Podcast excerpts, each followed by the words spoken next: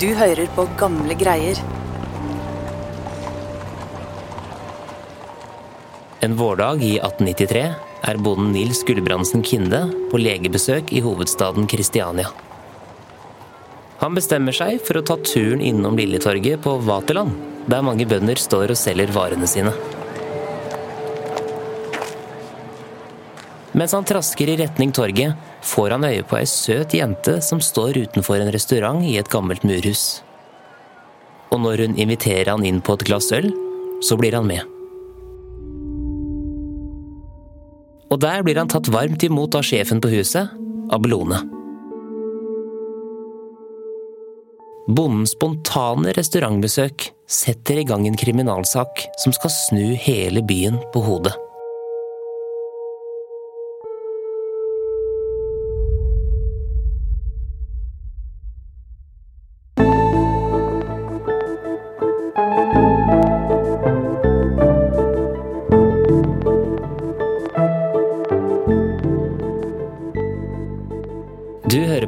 Greier, en historiepodkast fra Nasjonalbiblioteket. Jeg heter Lars Hamren Risberg.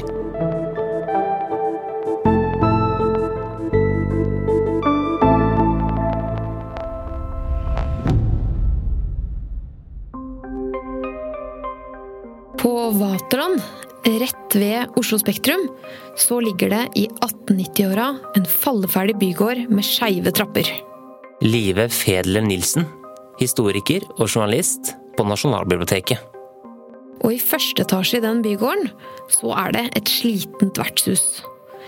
Og der inne sitter arbeidskarer og tar seg et krus med øl på lønningsdagen, og en og annen bonde som har kommet inn til byen for å selge varene sine, og som har lyst til å sjekke ut bylivet før han drar hjem igjen. Og dette vertshuset her, det ligger jo ikke akkurat i byens beste strøk. Nei, for Vaterland på den tida her, det er et sted hvor du må passe godt på lommeboka di. Her vrimler det av lommetyver, svindlere og ranere, og av enda skumlere typer også, drapsmenn og kidnappere. Og selvfølgelig en hel del prostituerte. Morgenbladet 30. juli 1893. Efter den kontrollerede prostitusjonsopphevelse er usedeligheten blevet mer tøylesløs overalt og i det hele her i byen. Vaterland avgiver naturligvis en stor kontingent av disse kvinner, hvor mange kan ikke siges. Og vertshuset på Vaterland, det er ikke noe unntak. For jentene som serverer i baren der, de tilbyr ikke bare øl og vin.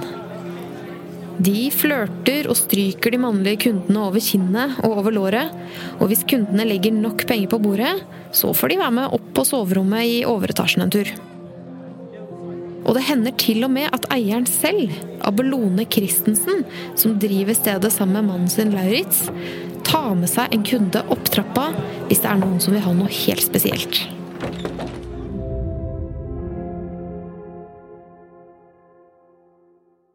Så sjefen selv trår altså til. Ja, for Abelone hun har nemlig selv en litt brokete fortid.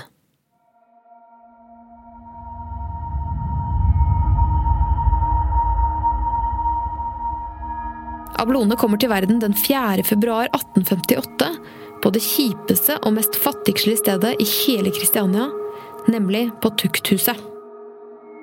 Og Tukthuset det er et slags fengsel der man soner for litt mindre alvorlige forbrytelser, som f.eks. nasking eller prostitusjon. Og moren til Abelone hun er antagelig skyldig i begge deler. Så de første fjesene som lille Abelone ser, det er de ulykkelige fjesene til fangene på Tukthuset.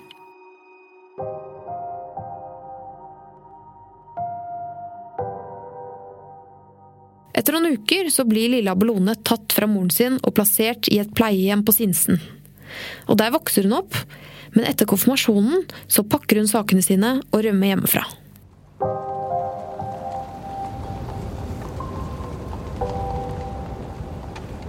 Og kort tid etterpå så kan man se en ny ung jente i gatene på Vaterland som flørter med forbipasserende menn, og som tilbyr dem det eneste hun har å selge, nemlig kroppen sin.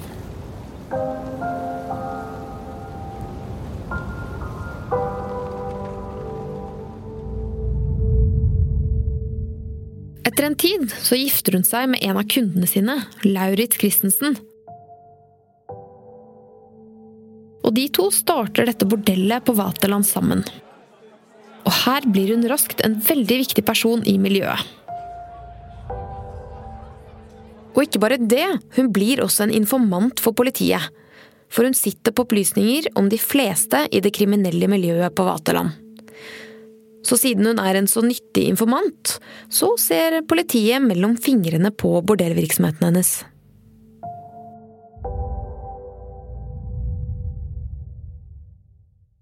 Så Abelone har stablet et slags liv på beina og tjener penger på denne virksomheten sammen med ektemannen.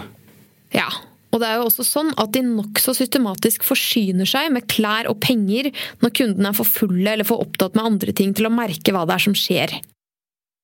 Men det er det ganske få som tør å melde om, for man fikk jo ikke anmeldt uten å innrømme hva det var man hadde vært med på.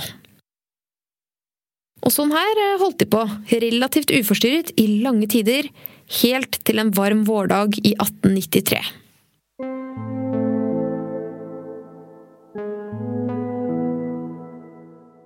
Abelone får øye på en mann som kommer inn den lave døra sammen med en av jentene hennes.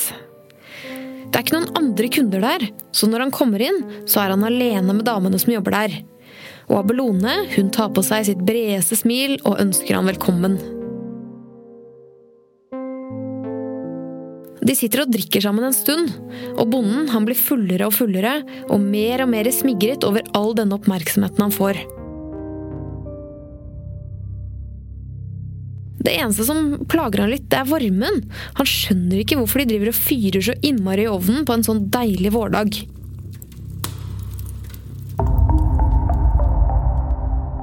Ablone hun foreslår at han kan jo bare ta av seg frakken hvis han syns det er så varmt. Men det tar han ikke sjansen på. For i den frakken så har han nemlig alle verdisakene sine. Og det er ganske mye penger. Og ikke nok med det, han har også en pistol der. Og den føler han at det er tryggest å beholde. Så han takker nei til dette tilbudet, og så beholder han frakken sin på. Men da sier Abelone at hun selv kunne egentlig tenke seg å kle av seg litt. Men det passer seg jo ikke her, så hun spør om ikke bonden har lyst til å være med opp til annen etasje sammen med henne og en av jentene. Og det vil han jo.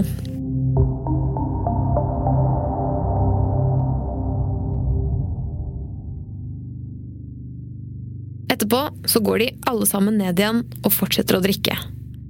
Og bonden han begynner nå å bli ganske så full, men han har ikke mista det helt. Han har fortsatt frakken med pistolen med seg. Og når Abelones ektemann Lauritz kommer inn og går mot de tre som sitter og drikker, så begynner bonden å ane ugler i mosen. Og mistanken kommer snikende om at disse folka her er ute etter å lure fra han alle pengene hans.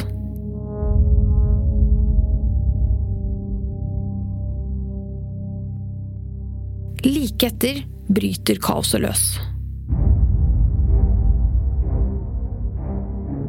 Vertshuseieren Lauritz og bonden Nils de står plutselig i full brytekamp.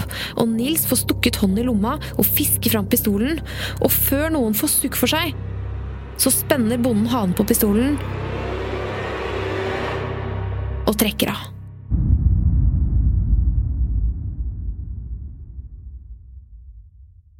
Og igjen på gulvet ligger vertshuseieren stein død. Altså mannen til Abelone, hennes businesspartner og livspartner som hun hadde bygget dette stedet sammen med, ligger nå død på gulvet. Ja, og selv på Vaterland så er jo ikke mord noe dagligdags akkurat. Så politiet blir jo da tilkalt. Politiet kommer til åstedet, og etterforskningen begynner. Og de kaller inn alle på vertshuset til avhør. Og det er jo litt vanskelig å vite nøyaktig hva det var som skjedde, og hvorfor de begynte å slåss. Fordi når politiet begynner å etterforske, så forteller jo alle sammen forskjellige historier. Og det aller viktigste vitnet, utenom bonden Nils, det er jo kona til den døde vertshuseieren, nemlig Abelone Christensen. Og snart skal hun ikke bare bli et viktig vitne, hele denne saken blir jo oppkalt etter henne. Ja.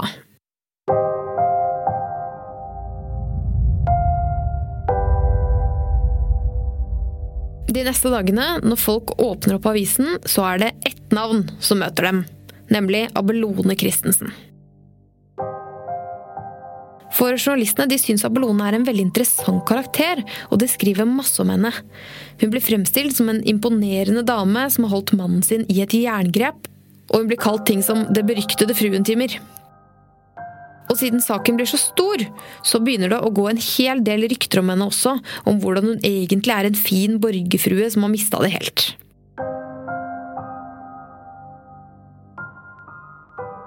Men de som kjenner historien hennes, de vet jo at det er ganske langt fra sannheten. Og at denne drapssaken her nå setter på spill alt det som hun har jobbet for å bygge opp. Og Abelone har jo mista mannen sin, så hun håper jo selvfølgelig at bonden blir dømt for drap. Men det som er litt uheldig for henne, det er jo at jo mer politiet graver i denne saken, jo mer kommer den lyssky virksomheten hennes inn i søkelyset, og alle kortene blir lagt på bordet. Og når saken kommer opp en måneds tid etterpå, så kaster politiet Abelone under bussen. De opphever beskyttelsen av henne og sikter henne for bordellvirksomhet. Eller rufferi, da, som de kalte prostitusjon.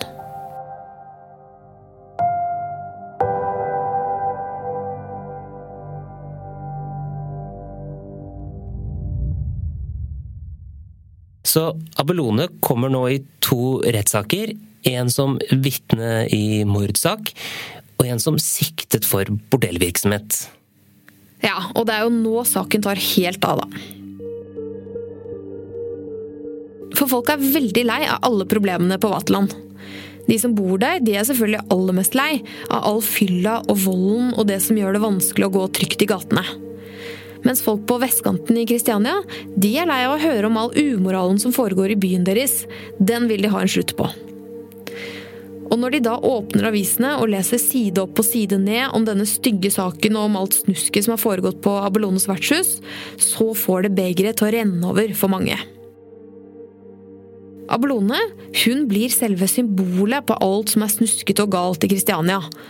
Og politiet de får virkelig gjennomgå for å ha beskyttet henne i alle disse årene. Folk møter opp utenfor politistasjonen og holder pipekonserter. Og ikke bare møter opp utenfor politistasjonen. De demonstrerer også på Vaterland, utenfor vertshuset, og noen prøver til og med å bryte seg inn for å ramponere hele bygget, og klatrer opp på taket og begynner å rive ned takstein. Og dette her blir faktisk så ille at når Abelone kommer svartkledd og sørgende til begravelsen til mannen sin, midt i alt dette kaoset med rettssakene, så blir hun faktisk fysisk angrepet.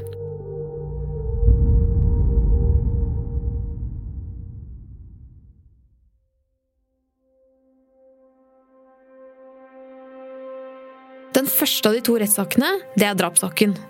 Og mens den pågår i slutten av juni, så samler folk seg utenfor rettslokalene og piper og plystrer og roper skjellsord mot Abelone.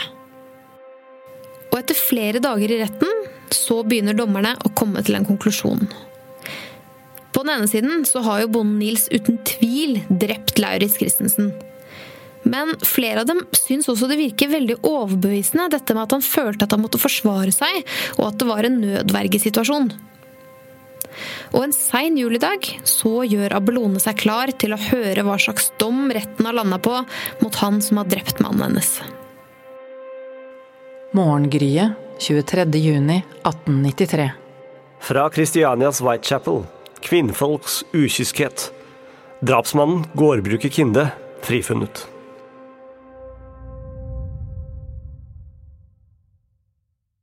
Så bonden Nils, han blir frifunnet. Ja. Og det hjelper nok bondens sak at folk har inntrykk av at Lauritz Abelone har prøvd å svindle han, og at de to blir fremstilt som kriminelle av verste sort. Og når da neste rettssak begynner, og Abelone skal inn i rettslokalet på nytt og forsvare seg mot anklagen om å drive bordell, så blir jo dette brukt mot henne, selvfølgelig. Kristiania Nyheter 30.6.1893. Hun hadde, sa hun, aldri oppfordret jomfruene til å bedrive utukt med gjestene. Hun visste heller intet om at det var drevet utukt i hennes hus. Men det nytter jo ikke å nekte. Det er for mange vitner som kan fortelle om hva som har foregått oppe i annen etasje på vertshuset. Og tirsdag 26. september så har juryen i lagmannsretten landa på en dom. Sosialdemokraten 28. september 1893. Abelone Christensen dømt. Tirsdag falt juryens kjennelse, ved hvilken Abelone Christensen erklæres skyldig i rufferi.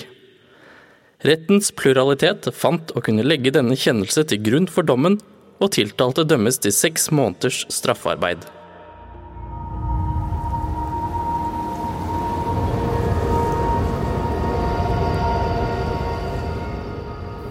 Kald januardag i 1894 står Abelone utenfor et velkjent murbygg i Storgata. Dørene åpnes, og Abelone går inn i bygget som hun ble født i for 35 år siden.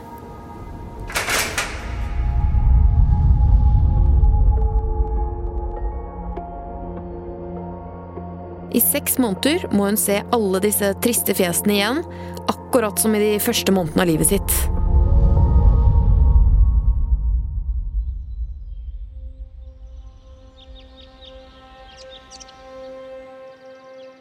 Når hun endelig da en varm sommerdag kan gå ut gjennom dørene og ut på Storgata, så er ting blitt ganske annerledes.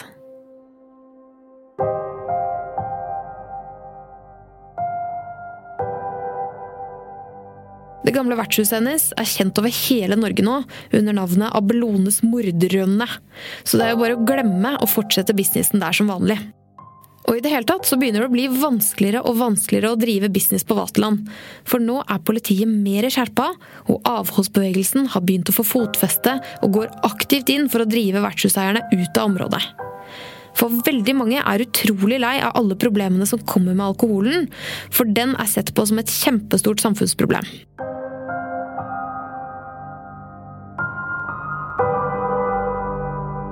Men Abelone hun gir ikke opp av den grunn.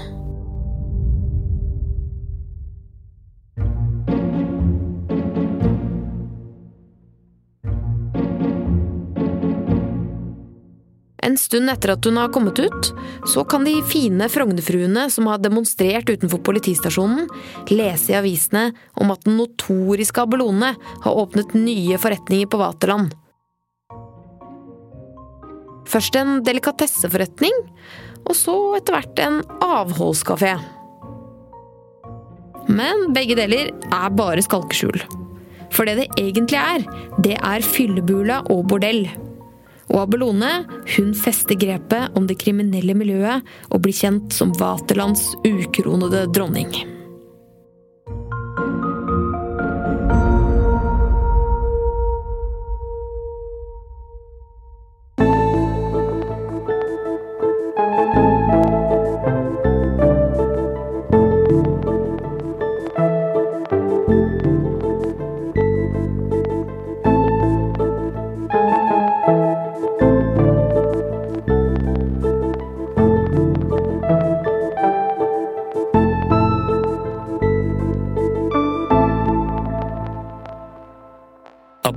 Christensen ble i sin tid en institusjon på Vaterland.